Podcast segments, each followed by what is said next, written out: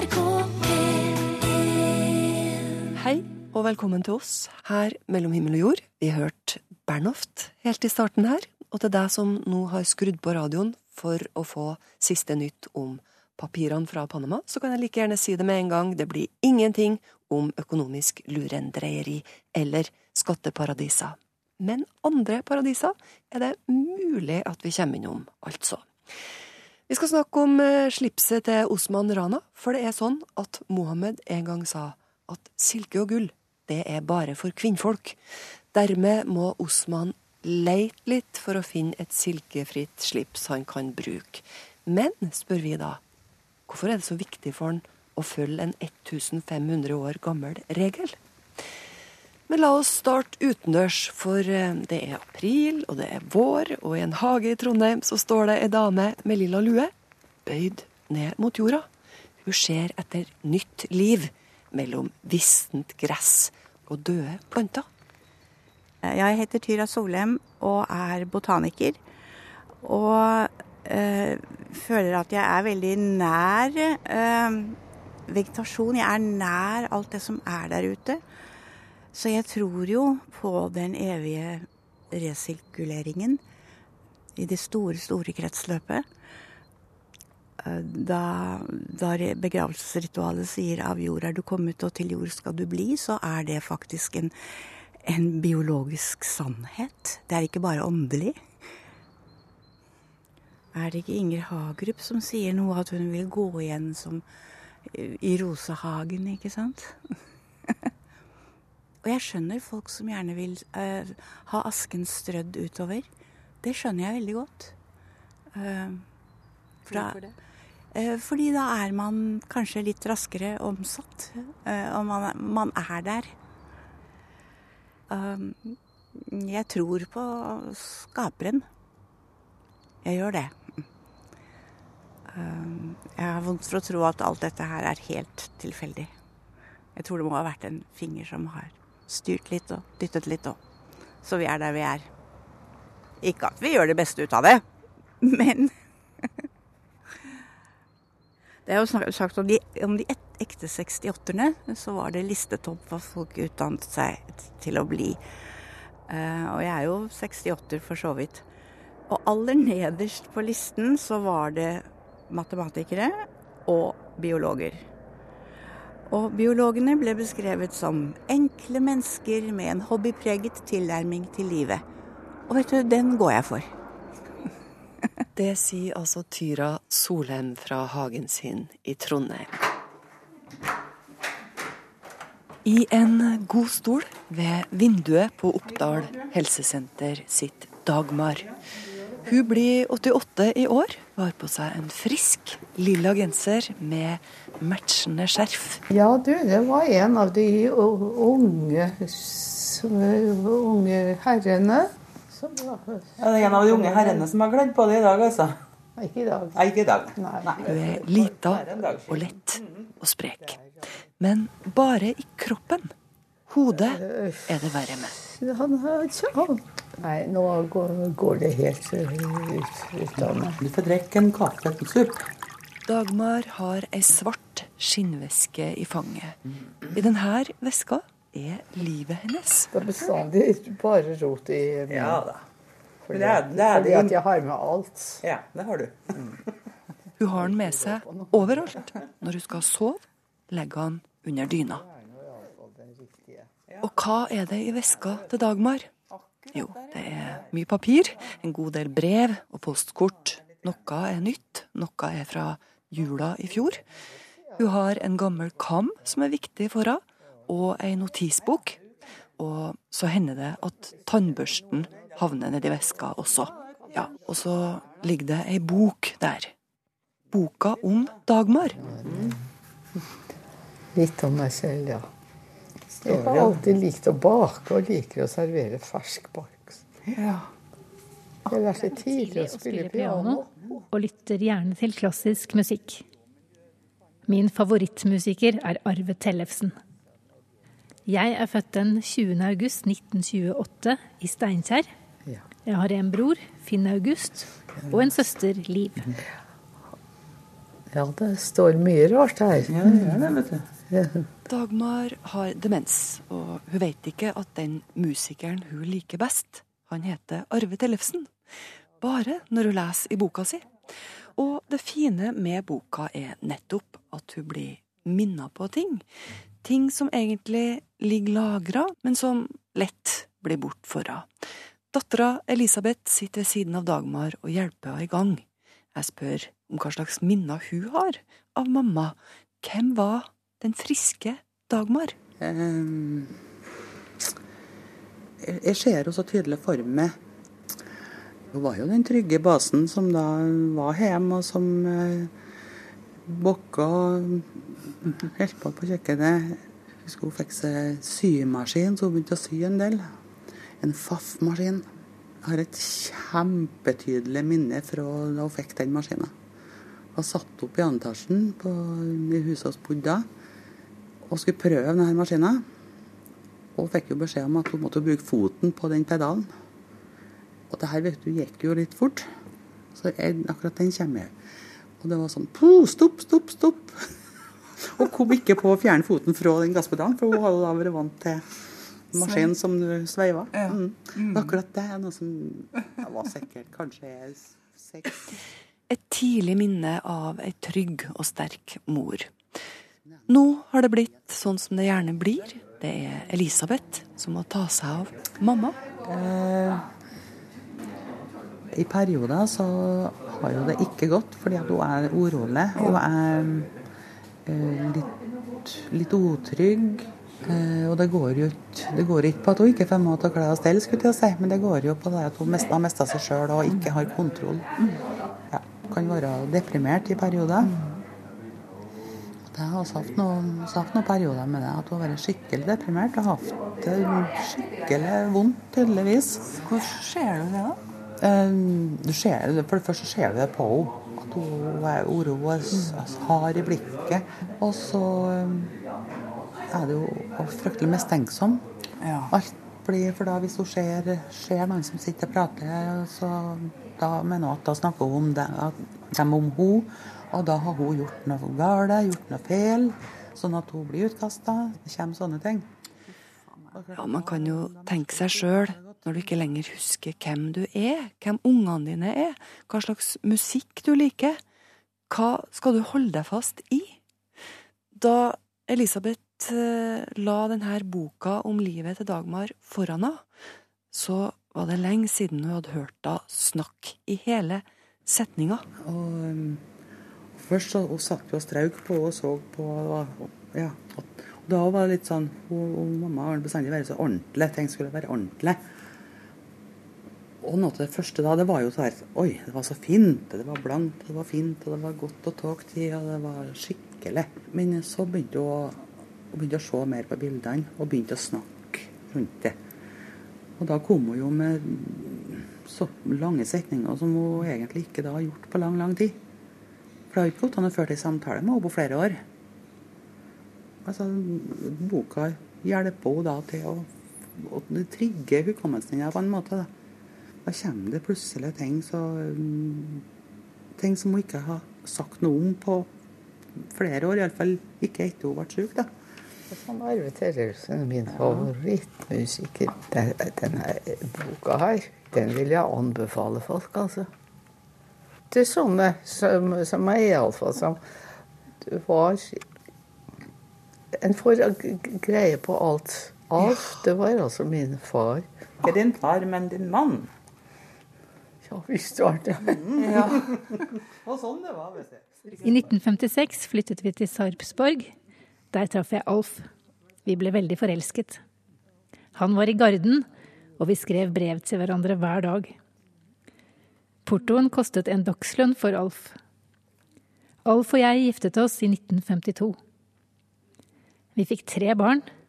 Elisabeth, Turid og Dag Olaf ble født, ringte Alf til venner og kjente og sa at vi har fått tre kilo flott jente. Jeg er litt mer enn tre kilo nå. Turid ble født det, Turid, hvem er det, da? Hvem er det? Hadde vi flyttet til Fredrikstad. Ja, Turid er altså dattera til Dagmar. Det er jo ikke så lett å huske alltid. Men eh, det er ganske rørende faktisk å se hvordan humøret til Dagmar endrer seg når hun leser i boka om seg sjøl. Ting detter på plass, for en liten stund i alle fall. Ikke rart at hun passer godt på boka si. Eh, men altså, den bor i veska. Så den har, Så den- og veska har hun med seg hele Veska, den er der, og den er på under dyna når hun ligger og sover. Ja.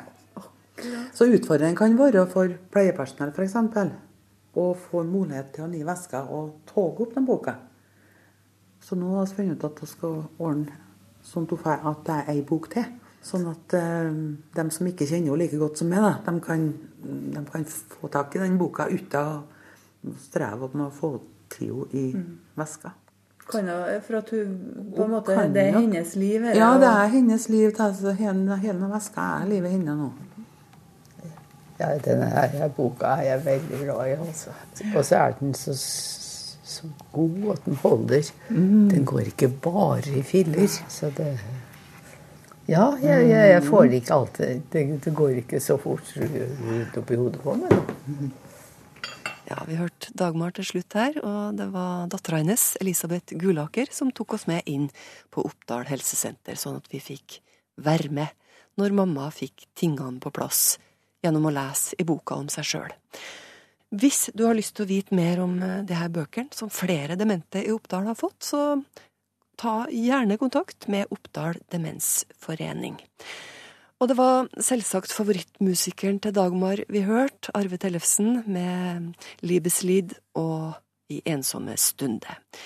Jeg tok bilde av Dagmar da jeg var på Oppdal og så på boka hennes. Det her kan du se på Facebook på NRK Livet. Vi har snakka en del om spiritisme her mellom himmel og jord på etterjordsvinteren, altså det her å tro på kontakt mellom levende og døde. Sånne situasjoner med kontakt mellom levende og døde er populært å fremstille på film, i bøker og i TV-serier, og en del kjente mennesker forteller også om sånne opplevelser med døde eller ånder, men det er likevel i mange sammenhenger hvor det her ikke blir regna som innafor. Nok en artikkel rundt temaet åndeutdrivelse i kommunal regi. Det danner seg tung energi av sånt. Bent Egil Albrektsen har blitt landskjent etter at han foretok ånderensing på oppdrag for en kommunal institusjon i Arendal. Et sted han mener sliter med ånder. Ja, jeg merka det med en gang på innsida av døra, egentlig, at, eh, at eh, det var en veldig tung stemning i, i, i bygget. I 2014 skal ansatte og beboere på en institusjon for psykisk utviklingshemma i Arendal ha opplevd en rekke uforklarlige hendelser. Nå hører vi litt fra en nyhetssak på NRK1. TV slår seg av og på, skifter kanaler av seg sjøl. Elektriske apparater som eh, skrus på. Kommunens egne folk skal også ha undersøkt det elektriske anlegget ved institusjonen for å forklare de merkelige hendelsene, før altså åndeutdriveren mente å avdekke såkalte klebeånder her. Religionsviter Anne Kalvik fulgte med på denne saken. De opplevde, ut ifra sin erfaring da, de ansatte, at de torde ikke arbeide der om natta. Det var så mye uro, og at pasientene òg var negativt påvirka av dette. Men for Kalvik er det reaksjonene på åndeutdriveren som er spesielt interessante. I dag informerte kommuneledelsen helse- og omsorgskomiteen om saken for første gang, og hvorfor en avdelingsleder hentet inn en åndeutdriver for å få bukt med problemene. Vi tar avstand. Vi tar avstand ifra at eh, vedkommende person eh, har vært inne på Matshaven. Og det kan jeg ikke understreke sterkt nok eh, at vi faktisk gjør. Og denne saken, den, den nådde faktisk Stortingets spørretime, der helse- og omsorgsminister Bent Høie fra Høyre eh, uttalte at dette, dette, var ikke bra, og, og en kan ikke ha sånne aktiviteter i kommunale tjenester der folk bor. Så det ble eh, et voldsomt rabalder, og eh, ja, en brukte uttrykk som at det er blitt gjort en feil, en alvorlig feil. Men så er jo saka den at eh, vi òg har ei kirke, altså Den norske kirka tilbyr jo tilsvarende eh, ritual. De, eh, vedtok jo med overveldende flertall i 2013 å innlemme liturgi for velsignelse av hus og hjem i, i kirka sitt eh, ja, repertoar, så å si. Altså et åndeutdrivingsritual eh, som er der for folk som opplever eh, uro, og ja, at huset disse er hjemsøkt av ånder, da, sånn som disse i, i Arendal-institusjonen opplevde.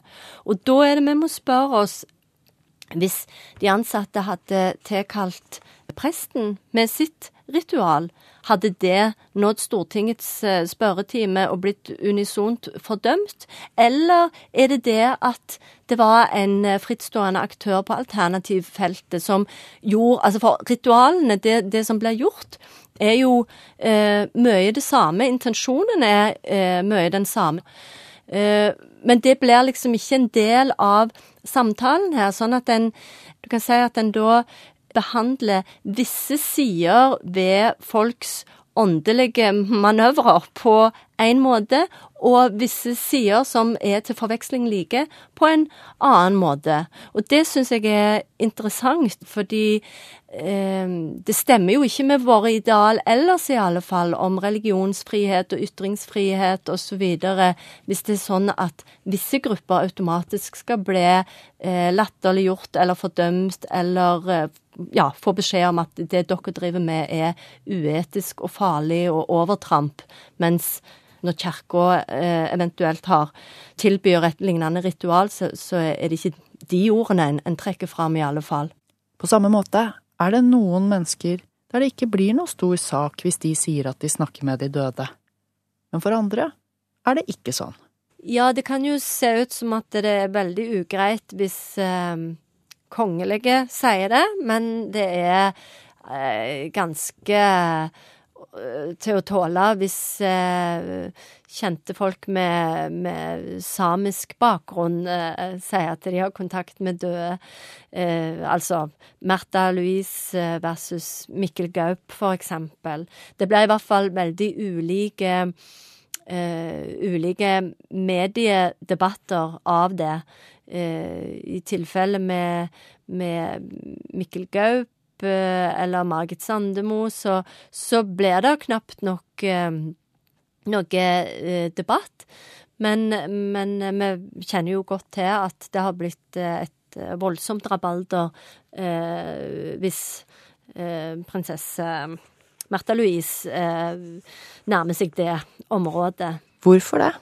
Når det kommer til det å, å, på en måte godkjenne det som, som noe samisk, så eh, viser jo det til at det er en eller annen kulturell forestilling om at hvis en hører til en urbefolkning, så er en da angivelig nærmere naturen, og dermed så er det visstnok òg mer naturlig eller OK at det òg er en kontakt med avdødes ånder. Og det er jo eh, Det må en jo gjerne mene, men, men, eh, det er jo ikke en sånn veldig eh, god forklaring for hvorfor ikke òg andre mennesker da skulle kunne eh, befatte seg med dette, eller ha interesse for det uten å, å få voldsomme stempel på seg. Eh, han eh, Villmarks Monsen eh, snakka jo òg på et tidspunkt om, om sin døde kontakt, eh, og han eh, fikk vel en, en, behandling litt sånn midt imellom Märtha Louise og, og, Mikkel Gaup, kan du si. Så, så han eh, kunne en kanskje tenke som, som en som sto med med beina i, i, begge leirer. Altså litt sånn der villmark, uh, urfolksaktig, men òg det, det etnisk norske urbane eh, på en eller annen måte, for han, han ble jo skarpt kritisert av eh, kampanjen 'Ingen liker å bli lurt', eh, fram til de ombestemte seg og, og, gikk ut og sa at de mente ikke at han eh, lurte folk med å ha eh, kontakt med døde allikevel. Um, siden han ikke tilbød tjenester, uh, eller dette som del av sine produkter. Eh, men hadde han gjort det, så, så hadde de vel eh, hamra videre på han. Ja, Senere i sendinga skal vi tilbake til Anne Kalvik, og da skal vi høre hva hun tenker om at hun sjøl, religionsforskeren, med egne øyne har sett bord som danser fram meldinger som skal være fra de døde. Mellom himmel og jord, søndager fra ni til elleve. Profeten Mohammed sa en gang at Gud hadde forbudt den å bruke silke og gull. Og så er det mange muslimske menn som lever etter denne regelen fortsatt, i 2016. Osman Rana, for eksempel, han er glad i å bruke slips, men han må leite litt etter slips uten silke. Det her syns jeg er rart, for hvorfor skal man følge en 1500 år gammel regel, når eh, det ikke er helt klart hvorfor den fins? Hei, du, Åsmund. Du, jeg ringer fra NRK Radio. Jeg kunne hatt lyst til å snakke litt med deg. Har du kunnet tenke deg å komme i studio til et intervju? Absolutt, det vil jeg veldig gjerne gjøre. Men uh, jeg er i pappapermisjon nå, og um, sønnen min er litt syk. Så lurer på om vi kan få det til neste uke. Er det en mulighet? Det går fint. Kan vi da snakke litt om det her slipset ditt? Det kan vi gjøre. Slips liker jeg veldig godt. Hva med klokka ti på onsdag? Det passer perfekt. Så bra. Bare hyggelig. Ha det bra. Ha det, da. Onsdag klokka ti kommer Osman i studio. Mm, ja, hvordan har du tenkt å presentere meg? Du kan godt bruke spaltist i Aftenposten, det er det jeg ofte pleier å bruke. Nå er du jo forfatter òg, ikke sant? Forfatter også, ikke sant? Helt riktig. Og lege. pleier ikke å være som en lege i offentligheten. Nei. Så lege på legekontoret. Riktig. Helt riktig. En pent kledd mann, 30 år, med veltrimma skjegg, som altså gjerne bærer slips, hvis han finner et som ikke har silke i seg. Og han har akkurat vært ute i pappapermisjon. Hvorfor bryr Osman seg om denne regelen? Altså, eh, det er jo mange ulike regler. Eh, noen er viktigere enn andre. Eh, mm. Nå er ikke dette med silkeforbudet det aller viktigste. Men det som er naturlig for meg, hvis jeg liksom blir framlagt en regel, det er jo å spørre hvorfor skal jeg følge den regelen? Spør du ikke deg sjøl om det, liksom? Hva? Jo, det, det, det syns jeg er uh, viktig å gjøre. Uh, den viktigste grunnen, selvsagt, for, for, en muslim er jo at uh, profeten Mohammed har snakket om dette mm. og sagt at gull og silke er noe som er forbeholdt kvinner. Og, og, han har ikke vektlagt så mye hva som er årsaken til det, men, men islamske teologer har diskutert det. og, og, og kommet seg frem til at man sett på um, gull og silke eh, som eh, spesielt feminint. Men eh, er ikke akkurat det som er Eller jeg tenker kanskje at det er det som er farlig med systemer, da? At man aksepterer en regel fordi noen har sagt det? Jo, men alle disse reglene eh, har vært eh, fortolket, har vært eh, diskutert, og, og, og det er mange ulike påbud og forbud som, som det er uenighet om. For eksempel kan shia-muslimene slå sammen eh, to og to bønder, mens ikke alle sunni-muslimer kan gjøre det. Noen kan gjøre det under reise. Så det er jo en illustrasjon på at uh, dette er jo dynamisk. Det er ikke noe sånn at uh, disse reglene ikke at de, at de er statiske, men de, men de er uh, gjenstand for tolkning, for diskusjon. Og nå er jo ikke Men det kan og, høres ut som at ja, den regelen står her. Vi må finne en grunn til at vi skal følge den. Jeg kan fortelle en historie fra et norsk hjem. Eh, et kristent hjem som serverer lammelår.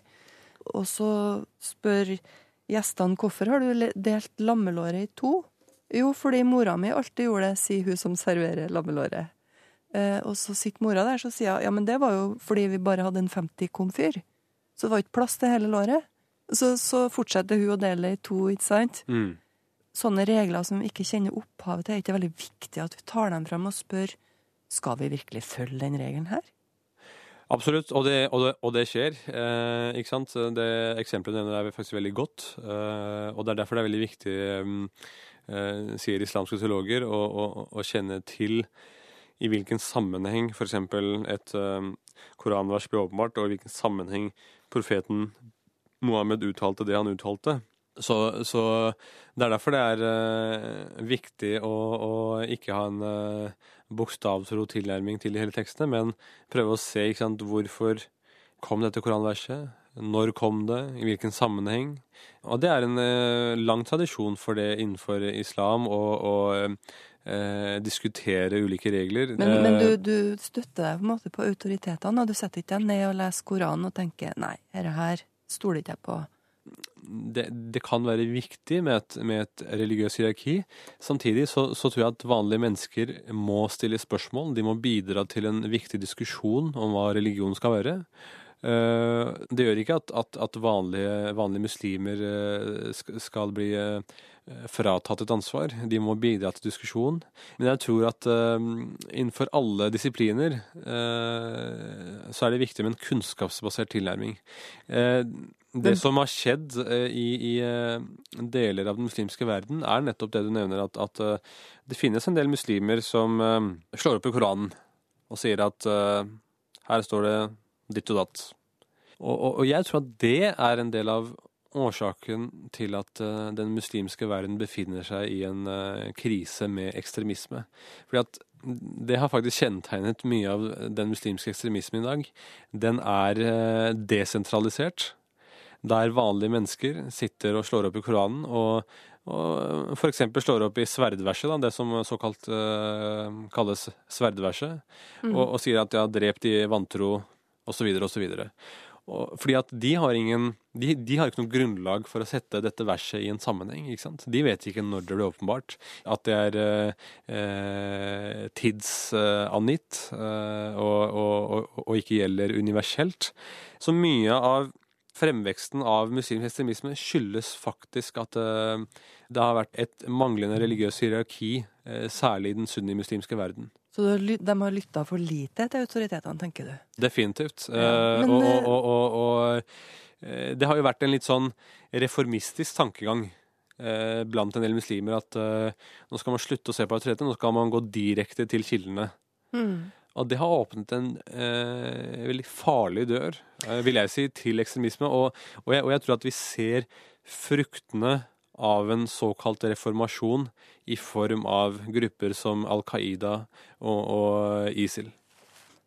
Hva tenker du om Koranen som, som Tenk at Koranen kan virke sånn at folk kan slå opp en og rettferdiggjøre onde handlinger, da? Hva tenker du om det?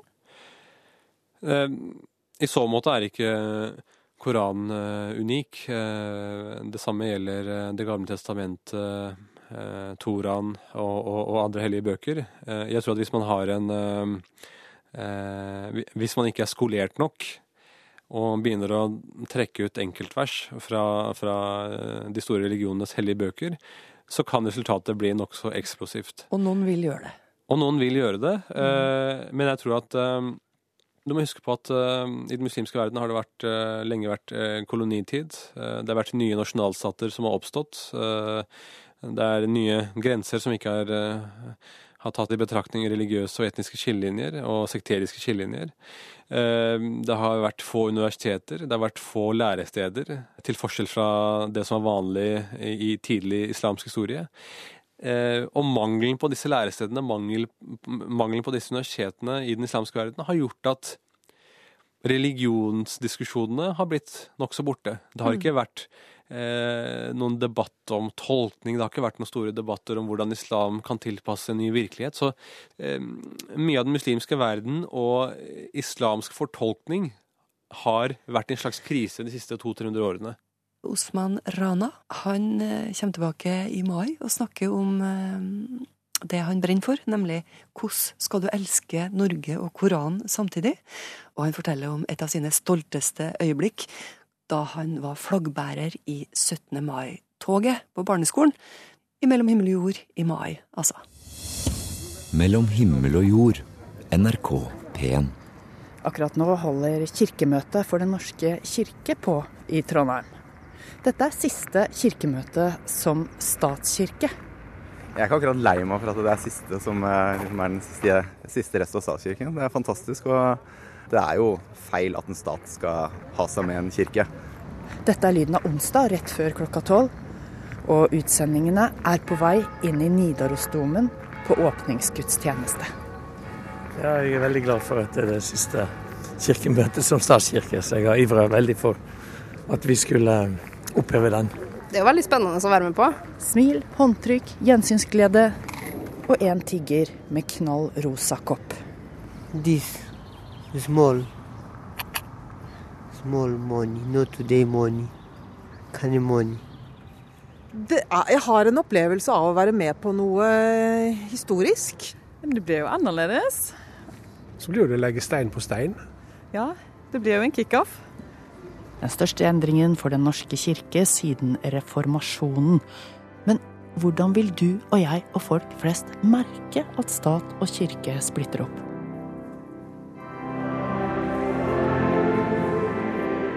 Det er ikke sånn at eh, kirka nå med første, i første 2017 stilles på scratch, og så må alle melde seg inn på nytt.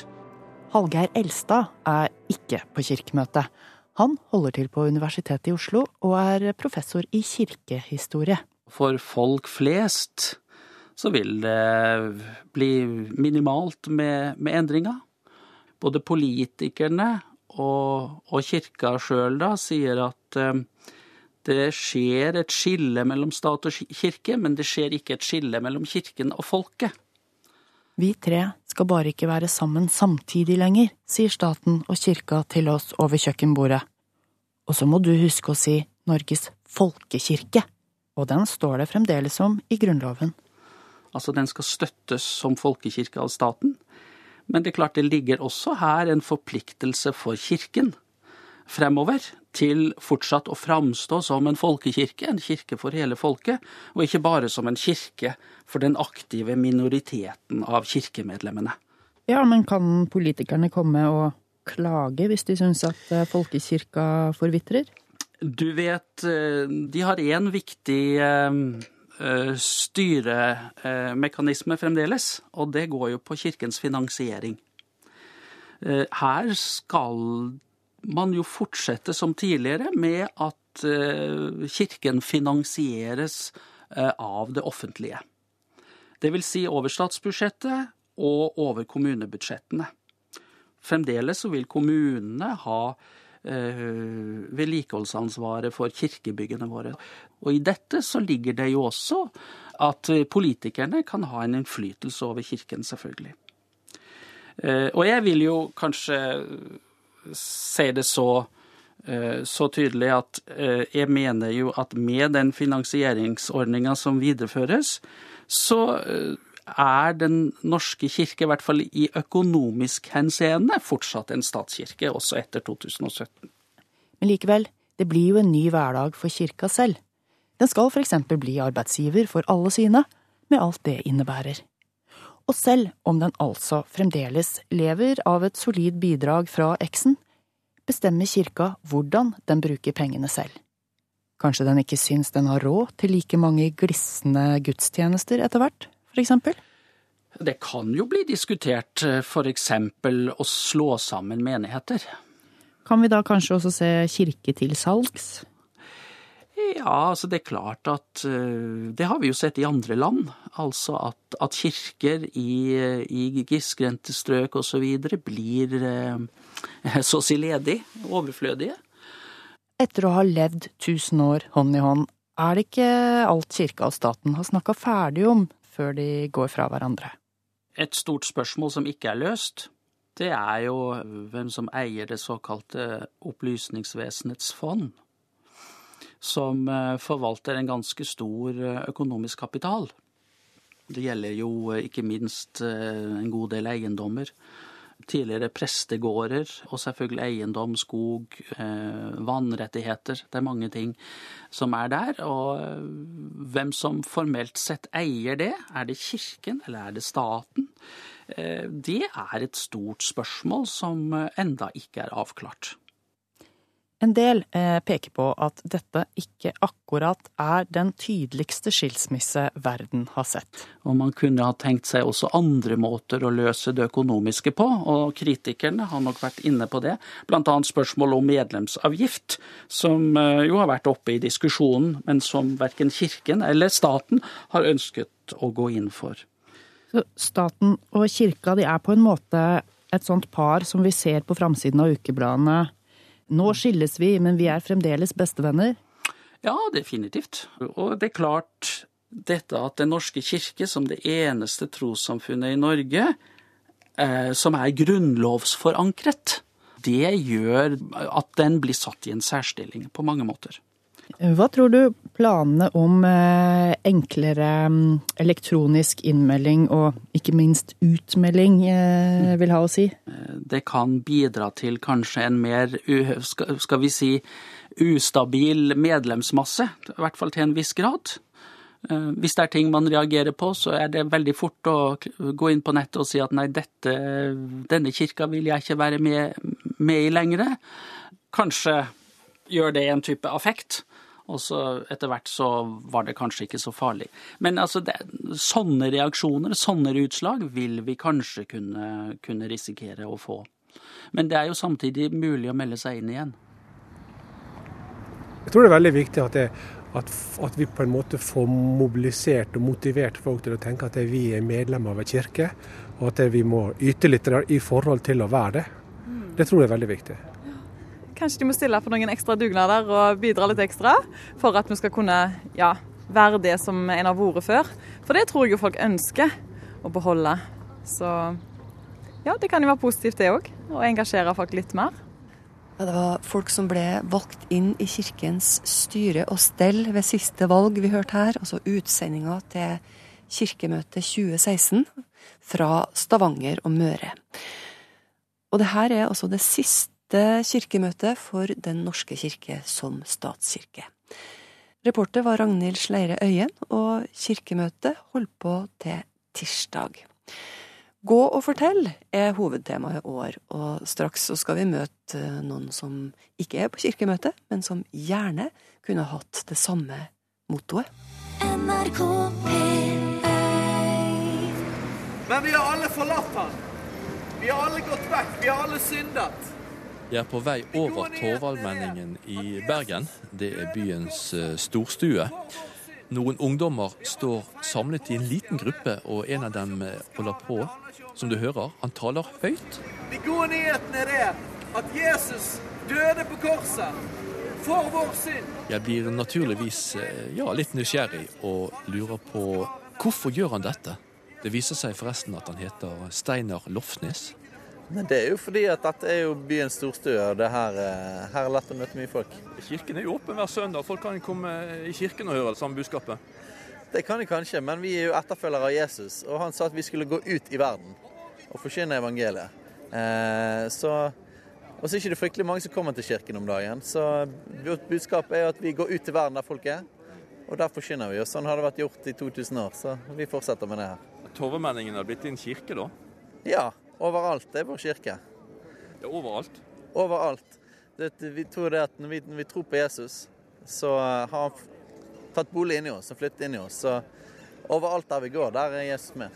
Det er et litt pussig sammentreff at hovedtemaet for årets kirkemøte, som pågår akkurat nå i Trondheim, er 'gå og fortell'. Det betyr vel noe sånn som at gå ut av kirken og snakk med folk. Men hvor kommer så disse fortellerne fra, som har plassert seg på Torvamenningen i, i Bergen? Uh, Vi er fra en kirke som heter Jesufellesskapet uh, her i Bergen. Vi er kristne og tror på Jesu hel helbreder og, og helbreder folk. Og, Så det er kompisen din som står og taler her borte nå, da? Ja. ja. Hva er det han snakker om? Han snakker om Jesu, hva Jesus gjorde på krossen. krossen eh, snakker om evangeliet. Og er det noen som bryr seg, annet enn NRK-reporter? Det er folk som stopper og hører på. Og, det, det er folk som stopper og hører på. Folk er ikke vant med sånn, men eh, det, det er noe som er i det som drar folk. Det er flere ungdommer som tar sats og eh, taler til Bergens befolkning. Iallfall noen av dem som tilfeldigvis går forbi.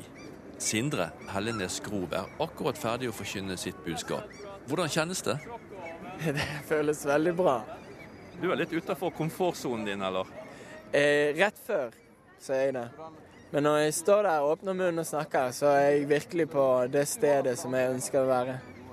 Hva slags sted er det? Det er et sted der jeg kjenner at jeg har fellesskap med Gud.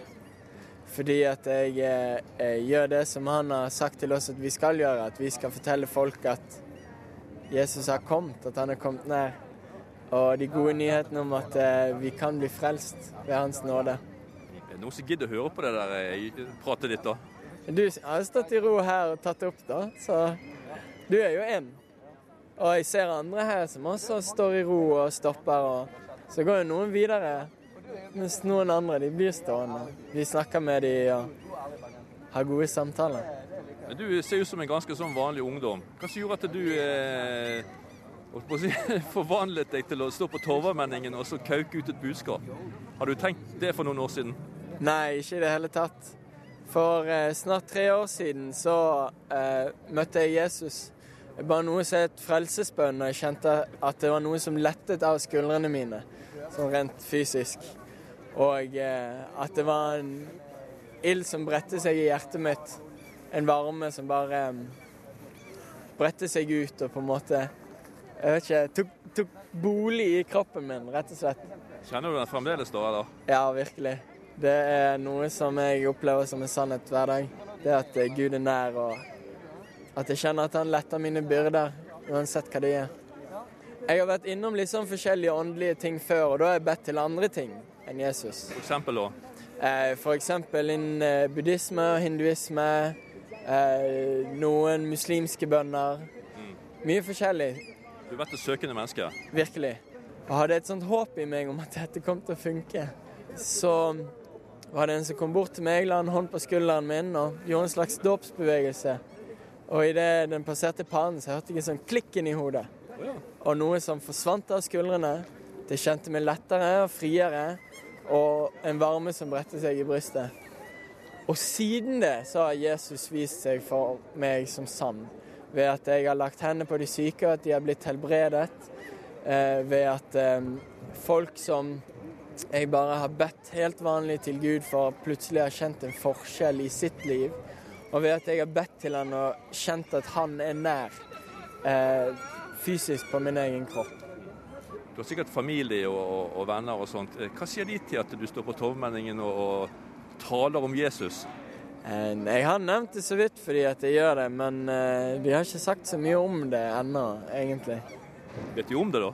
Ja, de vet om det. Det gjør de. Kanskje en liten snakkis i familien din? Det kan være. Jeg har ikke hørt så mye, men eh, jeg snakker jo en del om det selv også. Da begynner kompisen din å tale bak meg her. Hva er det han skal snakke om nå? Jesus. Han lengter etter dere, at dere skal gi deres hjerte til ham. Kjenner du at ditt hjerte er bak dette her, eller føler du litt høye skuldre og litt inne i et prosjekt, liksom? Um, vel Jeg kan si det sånn at tidligere i dag så var jeg veldig ærlig om at ehm, det her, det, det hadde jeg ikke lyst til å gjøre. Jeg var veldig klar på at uh, dette hadde jeg ikke lyst til å holde på med lenger. Og så um, delte det veldig ærlig med tårer til alle de som jeg er ute her med nå. Og ehm, de støttet meg. De er med meg i det, og de vet de også at det, det kommer til å bli tøft. Det kommer til å bli vondt, det her. Du skjønte at det, det ville koste noe?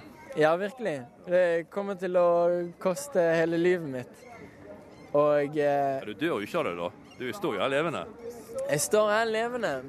Og Sindre står ikke helt alene, for en mann i ja, pluss-minus 50 har stoppet og er i heftig samtale med flere av ungdommene fra Jesusfellesskapet. Jeg sniker meg nærmere og smetter inn et spørsmål om hva han syns at eh, byens storstue blir brukt til denne type Jesusforkynnelse. Jeg syns det er helt fint. Ja. Jeg synes det, det er helt i orden. Og det, demokratiet åpner for det, og skal åpne for det. Så det syns jeg vi skal gjøre. Hva syns du om budskapet deres, da? Ja, jeg er jo ikke kristen selv. Men jeg, jeg, jeg, starter en samtale med dem, og så jeg, så, så spør jeg dem for å finne ut om de er tolerante, om de er demokrater, om de er fundamentalister. Og hvis, hvis jeg finner ut noe av det, så nærmer jeg meg sånne problemstillinger som jeg mener er viktig å få avklart. Følte du at de, eh, de skjønner hva du snakker om? Jeg, jeg snakket ikke nok med dem til å få et klart bilde av det. For nå, nå kom du og brøt inn. ja, Trekke bergenser. Nei da. Men eh, jeg, jeg, jeg, eh, jeg, jeg stanser opp for å høre hva sånne folk står for. Du kan bli overrasket over at eh, jeg har i hvert fall opplevd det sånn at noen ganger så er de mer tolerante og kunnskapsrike enn du tror. Vi lever i et demokrati, og der skal man kunne stå på torget og si sin mening. Så det er helt i orden. Men vi har alle forlatt han. Vi har alle gått vekk. Vi har alle syndet.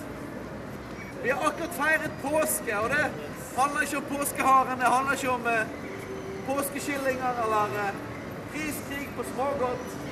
Men det handler om at Jesus kom og døde i vårt sted. Ja, Det er det det handler om, sier ungdommene fra menigheten Jesusfellesskapet, som altså står på Torgallmenningen i Bergen og taler.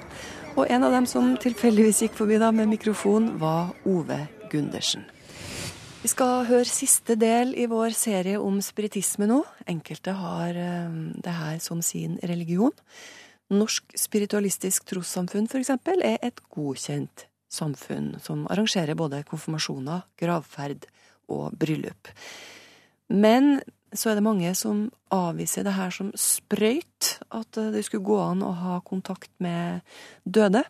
Religionsviter Anne Kalvik hun har skrevet boka Spiritisme samtaler mellom levende og døde. og Her behandler hun spiritisme som en ordentlig religion.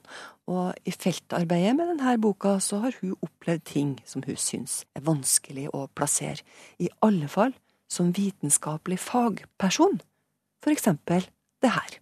Denne historien inneholder to bord. Et ganske lite et, og et tyngre salongbord. Bordene står i et brunt engelsk herskapshus fra 1871. Arthur Finlay College i, i England, som ble regna som spiritualismens eh, hjerte og hjerne, altså som er det fremste spiritualistiske lærestedet i, i verden, da. I en uke har medier fra hele verden vært samla på kurs. Anne Kalvig har fått være med som religionsforsker. Siste dagen, eh, da skulle vi få være med på en klassisk borddans. Og hva er en klassisk borddans? En sitter i, eh, i ring. Eh, her var vi så mange at vi satt ikke i ring alle og hadde hender på, på et bord, men vi hadde to lærere som satt med et lite bord imellom seg, som de så fikk i gang, da angivelig med, med hjelp av åndene.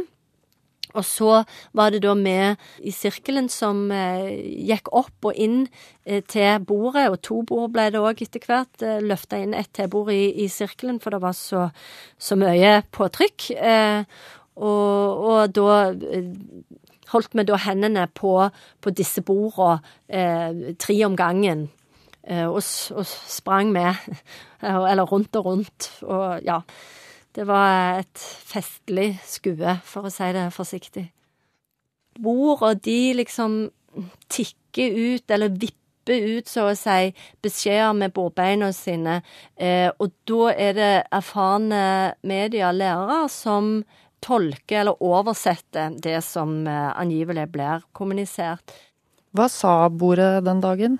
Jeg fikk eh, beskjeder fra avdøde slektninger, blant annet om eh, ungene mine og andre ting.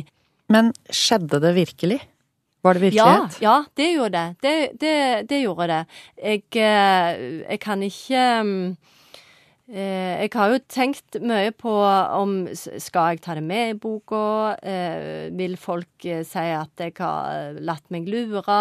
Og vil, vil, vil ja, de mener at en, en mister kredibilitet uh, på denne måten. Men det, det kjenner jeg på at å, å, si at dette bordet bevegde seg under hendene mine uten at jeg førte det rundt omkring, det, det har jeg faktisk ikke problemer med å eh, si. at det var det som skjedde. Men, men jeg har Jeg kan ikke si hva det var som fikk det til å bevege seg. Men spiritualistene jeg var sammen med, de har jo klare meninger om hva det var som fikk det til å bevege seg. Og jeg er jo primært interessert i hva de mener da. Likevel. Hvordan skal hun, religionsviter fra et vanlig norsk universitet, forholde seg til dette dansende bordet? Hva skal jeg som religionsviter gjør med et sånt materiale. Hvis disse åndelige størrelsene eh, går fra å være kommuniserte til meg fra folk til å bli manifesterte, eh, sånn at jeg med, med, min kropp og mitt sanseapparat ikke kan nekte for at her er det et eller annet. Hva, hva blir det da igjen av, av, det som er rett og slett mitt faglige ståsted? Og det, det er ikke det er ikke bare bare, for å si det sånn. ja, hvordan eh, bestemte du deg for å eh, tolke borddansen, da? Vel, jeg eh, prøvde jo ut det som kalles kognitive religionsteorier. Både i en Det som kan gå i en veldig materialistisk retning, der en, en er på mer liksom hjerneforskingsnivå, og mener at dette er eller henger sammen med måten vi tenker på, hjernen vår, hvordan den fungerer, og at det, det er på en måte ikke noen sannhet bak dette som eh, framstår som fenomener. Det er, det er vår store og gåtefulle hjerne da, som, som eh, produserer det i siste instans. En annen variant, eh, som jo nærmer seg mer en, en religiøs eh, eller spirituell teori, det, det, er det jeg har kalt eh, den mer metafysiske, eh, der eh, en ser for seg at vi nærmest er deltakere i et stort sånn felles kollektivt sinn nærmest en stor, stor bevissthet, et, et, kosmos som vi alle er deltakere og medskapere av. Men for å være helt ærlig, så, så syns jeg nok ikke at jeg som fagperson ble overbevist i forhold til den opplevelsen jeg hadde. Men, men det er jo òg fordi at eh, Det skurrer jo for meg å skulle konkludere med at jeg vet, jeg vet hva det var som fikk bordet til å bevege seg. Privat så kan jeg tenke mine ting, men som fagperson så, så kjenner jeg at det eh, Om jeg nå finner et aldri så finurlig svar på det, så vil det allikevel være å ha gått eh, hinsides det som jeg mener at det er um, mulig å, å, teoretisere rundt. Så det Men, men altså, det jeg, eh, Det kan godt være jeg må jobbe videre med akkurat disse her tingene, men det, det er veldig utfordrende. For vi, vi er jo vant med å tenke at eh, ånd og materie og det religiøse og det spirituelle og det målbare det, eh, At dette er atskilte størrelser. Og hvis en skulle se for seg at alt dette her må knase sammen på nye måter, ja, da, da er det jo mer enn religionsvitenskapen som må, må, må ta sine modeller og teorier opp til vurdering. Anne Kalvig forsker på religion ved Universitetet i Stavanger, og vår reporter det er Ragnhild Sleire Øyen. Vær ikke sjenert for å ta kontakt med oss hvis du har ei fortelling, et tips eller et triks. Her er e-postadressen vår. Himmel og jord, krøllalfa, nrk.no. Og du finner oss på Facebook også. NRK Livet heter vi der. Hør flere podkaster på nrk.no podkast.